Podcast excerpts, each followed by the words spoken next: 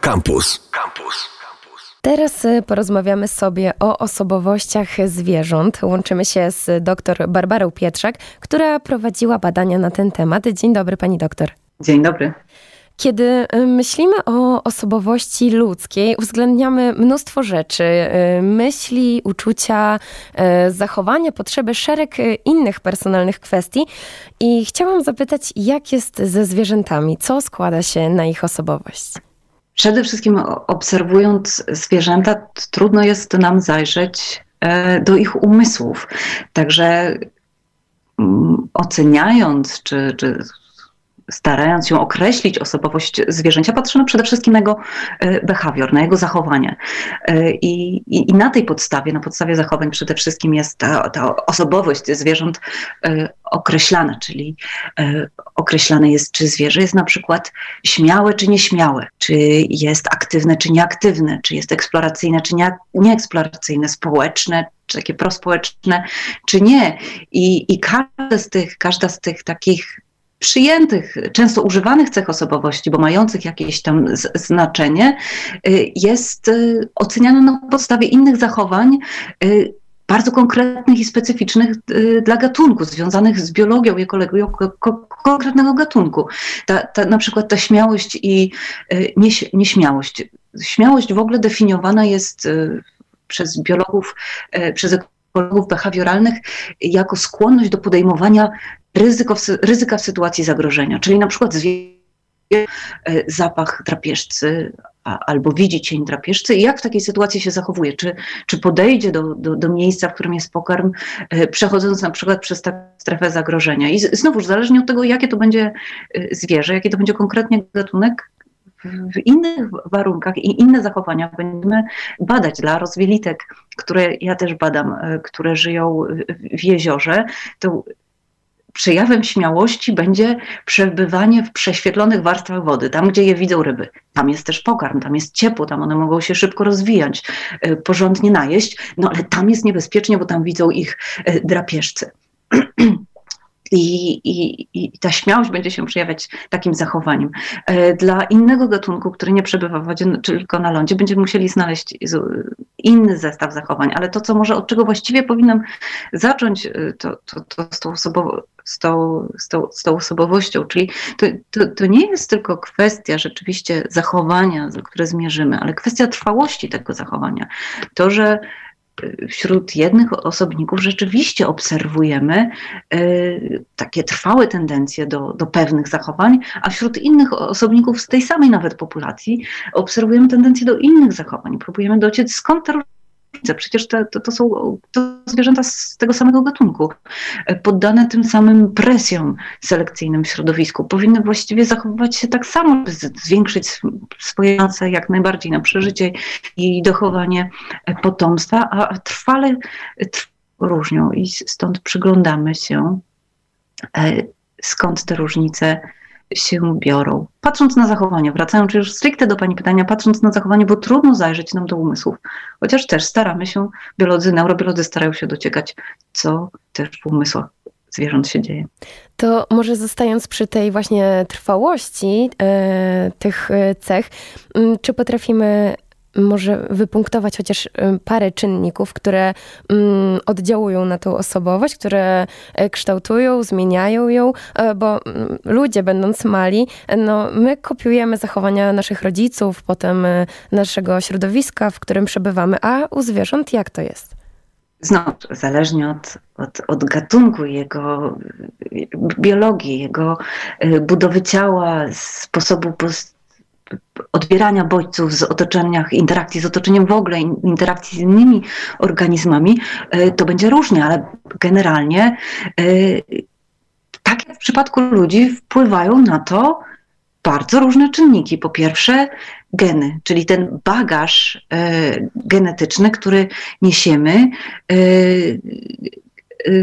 który jest zapisem tak naprawdę informacji o środowisku z przeszłości, z naszej historii ewolucyjnej, czyli o środowisku, z jakim mierzyli się nasi, nasi przodkowie. Y, jeżeli nasi przodkowie żyli w środowisku, w którym warto być, na przykład już tego słowa dzisiaj użyłam, śmiałym, to prawdopodobnie wielu z nas niesie gen, gen śmiałości zapewne nie jeden gen, ale to zwykle bardzo, takie cechy są zwykle bardzo złożone, jeśli zaczynamy się przyglądać też na poziomie genetycznym. Y, także ważna jest, oczywiście ważne są nasze różnice genetyczne między nami, ale obserwujemy te, te, trwałe różnice, które nazywamy, bo w ekologii behawioralnej przyjęło się w literaturze angielskojęzycznej, przyjął się termin animal personality, czyli te osobowości, te trwałe różnice. Obserwujemy y, także między zwierzętami, które są genetycznie identycznie, jak, identyczne, jak te wspomniane y, rozwielitki. Bo, bo do tego, czyli do tej informacji niesionej w genach, um, ukształtowanej przez um, przeszłe y, wyzwania środowiska, dochodzi na przykład informacja przekazana przez matkę. I, czyli gdzieś poza tym, poza zapisem w DNA, przekazana przez, przez matkę epigenetycznie gdzieś na, na poziomie chociażby materiału, który jest przekazywany być może w, w komórce jajowej, na poziomie hormonalnego środowiska, w jakim rozwija się zarodek, młody, młody organizm, na przykład w ciele, w ciele matki, a, a być może w postaci kulturowego przekazu później e, w, u zwierząt społecznych, też nie tylko człowieka. Ten przekaz kulturowy obserwujemy u, u różnych zwierząt. Czyli ta informacja y, pochodząca od bezpośrednich przodków, ale wreszcie nasze własne doświadczenia nie związane są informacją przekazywaną od, od naszych rodziców, tylko to, z czym się spotykamy. I to dotyczy także ludzi, ale także rozwielitek. Yy, czyli to, to doświadczenia yy, z młodości yy, prowadzą do kształtowania się zachowania w, w, późniejszym życiu. Rozwielitka, która za młodu doświadczała obecności drapieżcy, będzie się jako dorosła rozwalitka zachowywać inaczej niż ta, która tej obecności nie doświadczała, która tego nie żyła w zapachu drapieżcy na przykład. Czyli ta, inform- ta, ta osobowość tak naprawdę tworzy się w trakcie całego życia osobnika, tak jak, tak jak w przypadku ludzi. Nasza osobowość też się kształtuje i też się zmienia. Podobnie w przypadku zwierząt widać pewne tendencje, które nazywamy często temperamentem, czyli u młodych osobników widać pewne, pewne różnice, pewne tendencje do zachowania się, ale dalej w ciągu, w ciągu osobniczego rozwoju zwierząt też te tendencje się y, rozwijają albo słabną. Krótko mówiąc, kształtuje się to, co nazywamy osobowością. Kształtują się te trwałe, y, trwałe różnice widoczne później w dorosłym życiu. Pani doktor, czy zwierzęta z tego samego gatunku mogą mieć zupełnie inną osobowość? Bo mm, przygotowując się do rozmowy, czytając też Pani badania, zdałam sobie sprawę, że tak jak ludzie mają inne doświadczenia, perspektywy, tak samo zwierzęta. E, na przykład hodowane przez nas na różne cele. E, jakoś od, od, razu instynktownie pojawia mi się w głowie krowa, której e, życie może pójść mhm. e, mhm. no, pewnie więcej, ale ja sobie wytypowałam takie dwie drogi. Jedna to jest taka piękna zielona łąka, gdzie ta krowa sobie e, je trawę, od czasu do czasu tam jej podbieramy mleko. Natomiast ta druga droga, no już niekoniecznie ta krówka jest trzymana dla mleka, niekoniecznie na łące. I tak się zastanawiam, zastanawiam, czy e, gdzieś tam w tym samym gatunku te osobowości mogą e, się różnić. I to nawet bardzo. E, wspomniała Pani o, o, dwóch drogach. No, ta, ta druga wymieniona droga, nawet może nie do końca nazwana, czyli tak naprawdę życie na fermie przemysłowej, to, to jest przeważa, no, znaczącym, w znacznej mierze przeważające dzisiaj życie krowy. Znaczna większość krów w dzisiejszych czasach żyje na fermach przemysłowych i to jest ich, ich życie y, w, zamknięciu, y, w, odseparowaniu od, od po zrywaniu relacjach, relacji normalnych społecznych z, z innymi osobnikami, w, w uwięzieniu fizy, w takim fizycznie w przestrzeni i tak dalej. I, i, I, tak, to się, to się obserwuje, że tak naprawdę już od najwcześniejszych doświadczeń y, kształtuje się ta późniejszość, późniejsza osobowość, na przykład krowy. Taką jedną y, z, z, podstawowych i powszechnych y, praktyk y, używanych w hodowli y, przemysłowej jest separacja od matki. I, i jest, to, jest to takie doświadczenie dla, dla, dla młodego zwierzęcia, które mm, może może mieć bardzo poważne konsekwencje dla jego późniejszej zdolności radzenia sobie ze stresem i, i takiego odczucia dobrostanu, także w dorosłym, w dorosłym życiu, w życiu. W tym takim chowie, nazywamy go konwencjonalnym, który, który wciąż jest, jest powszechnym, Cielęta są oddzielane, właściwie nie, wkrótce po urodzeniu od matki, trzymane w osobnych budkach, karmione limitowanymi ilościami e, mleka. I mówi się, że te, te, te, zabiegi są prowadzone w celu polepszenia stanu zdrowia y, tych zwierząt, ułatwienia monitorowania indywidualnego każdego y, zwierzęcia. Jednak to jest, krowa jest zwierzęciem społecznym, a taka praktyka wiąże się z izolacją społeczną y, tego społecznego zwierzęcia w jego wczesnym okresie życia, kiedy te, te, te interakcje z innymi osobnikami są kluczowe dla rozwoju jego, jego mózgu i, i w ogóle całej, no właśnie, roz, rozwoju zdolności poznawczych i także zdolności rozwoju pewnych zachowań. Także Znane są dobrze takie krótkoterminowe skutki takiego, tej separacji, czyli to upośledzenie umiejętności społecznych, zmniejszenie w ogóle apetytu, inne, inne zachowania w nowym środowisku i tak dalej. Także takich badań stricte bardzo mm, bardzo przygważdżających te, te, te, różnice. Może wciąż, e, wciąż brakuje, natomiast są już dowody, że są długoterminowe skutki, no właśnie takiego chociażby e, tej separacji e, cielęcia od matki, że, że to wpływa na, na styl radzenia sobie później takiej krowy w przy, przyszłości. Taka odseparowana za dziecka mm, krowa będzie w późniejszych kontaktach z innymi krowami mniej uległa, będzie reagowała większy, przy, bardziej przyspieszeniem tętna w kontakcie y, z innymi osobnikami w takich interakcjach y, y, może agresywnych, większym stężeniem kortyzolu, hormonu stresu w nowym środowisku. Czyli takie pojedyncze nawet doświadczenia z życia będą wpływały na, na, na, no właśnie, na, na, kształtowanie tych takich pełnych cech behawiorów w późniejszym, y, zachowań zwierzęcia w późniejszym życiu i jego zdolności do radzenia sobie też przede wszystkim ze stresem, zdolności poznawczych także. To a mm. propos krów.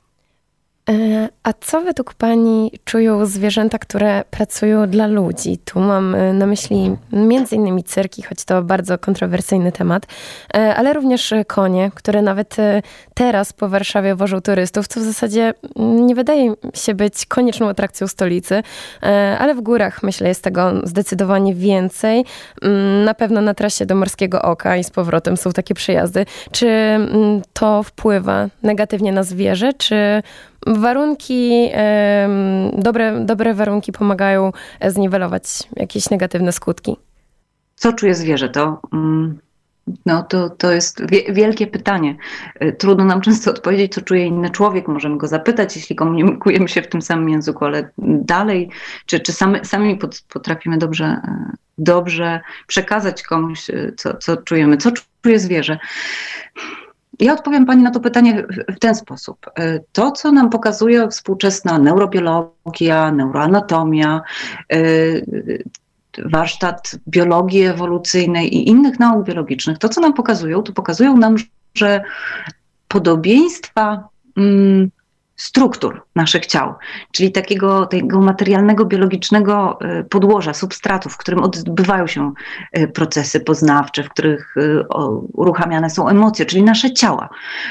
Mózg, ale też cały układ, nie tylko układ nerwowy, ale też hormonalny, czyli te, te nasze ciała odczuwające emocje są bardzo podobne. Czy to będzie człowiek, czy koń, czy w ogóle w obrębie ssaków, ale też jak spojrzymy dalej, u ptaków mamy struktury mózgu, które odpowiadają strukturą mózgu ssaków i odpowie odpowiedzialne są za, za odpowiadające sobie też stany emocjonalne, na reakcje w podobnych sytuacjach. Nawet jeżeli sięgniemy dalej do ryb, okaże się, że, że widzimy pewne struktury, fragmenty mózgu, które są niejako odpowiednikami y, tych, tych struktur u, u ptaków czy, czy ssaków.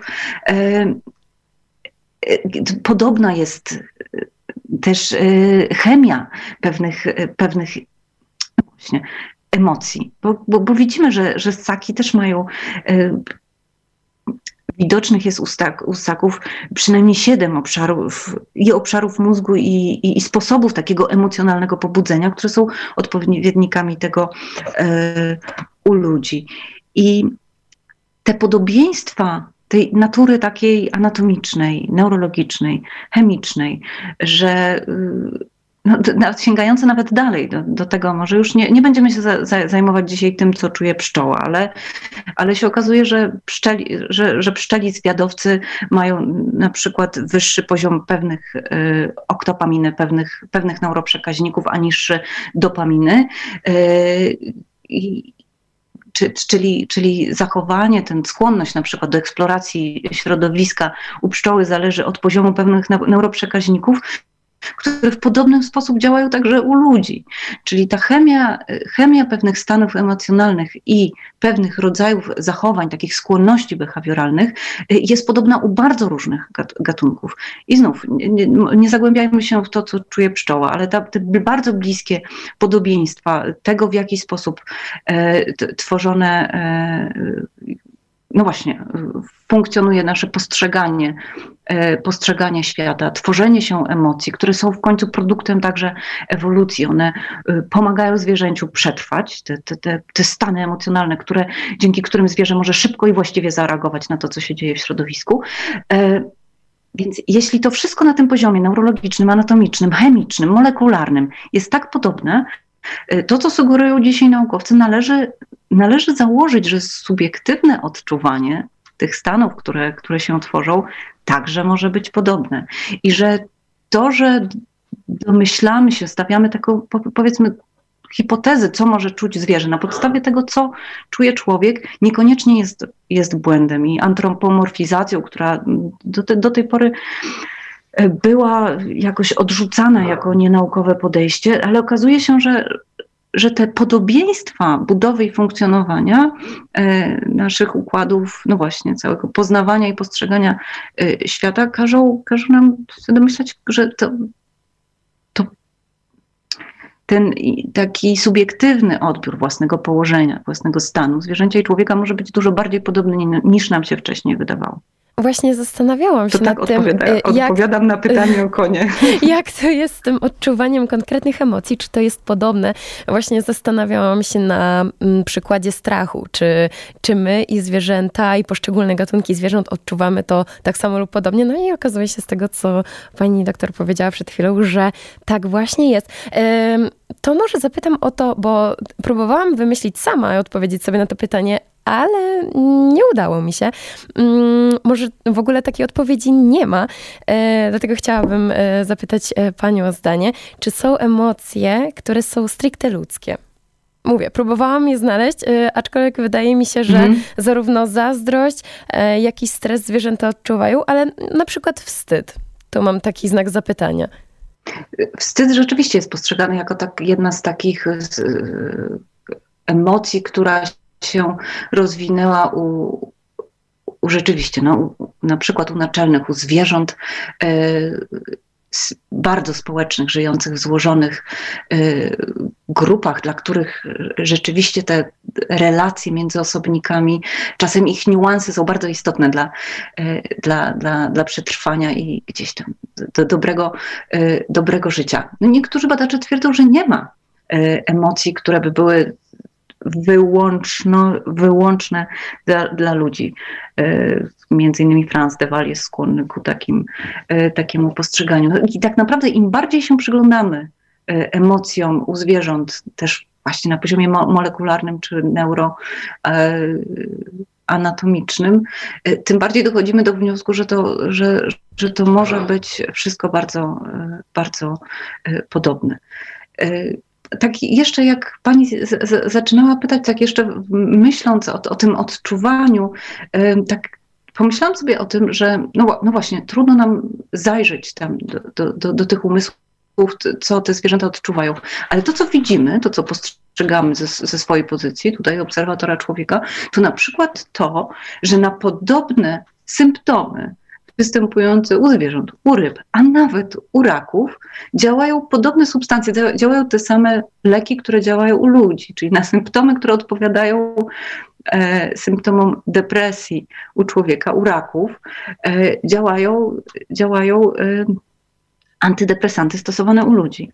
Czyli ta neurochemia tych, tych reakcji, to, to podłoże, biologiczne podłoże, y, prowadzące do pewnych behawioralnych objawów, do pewnych zachowań, które my u ludzi interpretujemy tak, a nie inaczej i wiemy, z jakimi emocjami się wiąże, no okazuje się, że prowadzi do podobnych, y, podobnych efektów u innych, u innych y, zwierząt. Y, zestresowane, przestraszone ryby mają też na, na przykład deficyty uwagi. No, mniej są w stanie skupić się na przykład na jakimś zadaniu, podobnie jak ludzie. Czyli te objawy są podobne i tak naprawdę, gdzie nie spojrzymy, te, te, te, te podobieństwa widać. Pani doktor, to nie tak... Wiem, czy są jakieś tak, proszę, proszę mówić. Dla nas wyłączne, wyłączne, wyłączne nam emocje. Mhm. Być może nie. To było ciężkie pytanie. W sensie, Chociaż bardzo byśmy chcieli. Tak, sama, mówię, sama tak próbowałam sobie na nie odpowiedzieć, ale stwierdziłam, że za mało wiem, może, może niekoniecznie będę się wypowiadać. Może ktoś kiedyś zrobi jakieś specjalne badanie na ten temat. E, pani doktor, też tak na koniec. E, trochę będziemy kontynuować to, o czym przed chwilą pani mówiła, bo mm, chciałam się dowiedzieć, czy są może zwierzęta, u których ta osobowość jest bardziej e, plastyczna. I chodzi mi tutaj mm, o wpływanie na przykład człowieka na zwierzę, bo mm, gdybyśmy tak mieli zgadywać albo patrzeć na naszą rzeczywistość, to zakładam, że sporo osób mogłoby pomyśleć, że na przykład niektóre ssaki. Y, zupełnie nie wiem dlaczego, ale mam w głowie obraz y, pływania z delfinami oraz przytulanie małp. Wiele filmów, wiele zdjęć widziałam z, z czymś takim i mhm. Można powiedzieć, że te zwierzęta przekonały się do ludzi i nawet stworzyły jakieś więzi z nimi. No ale nie trzeba daleko szukać, ponieważ mamy psy, koty, Chociaż mamy też jaszczurki i żółwie i może niektórzy też je przytulają. Więc jak to jest? Czy może być tak, że wybieramy sobie zwierzęta i wtedy ta osobowość ich jeszcze bardziej się zmienia? Czy to jest właśnie już jakaś e, kwestia genetyczna?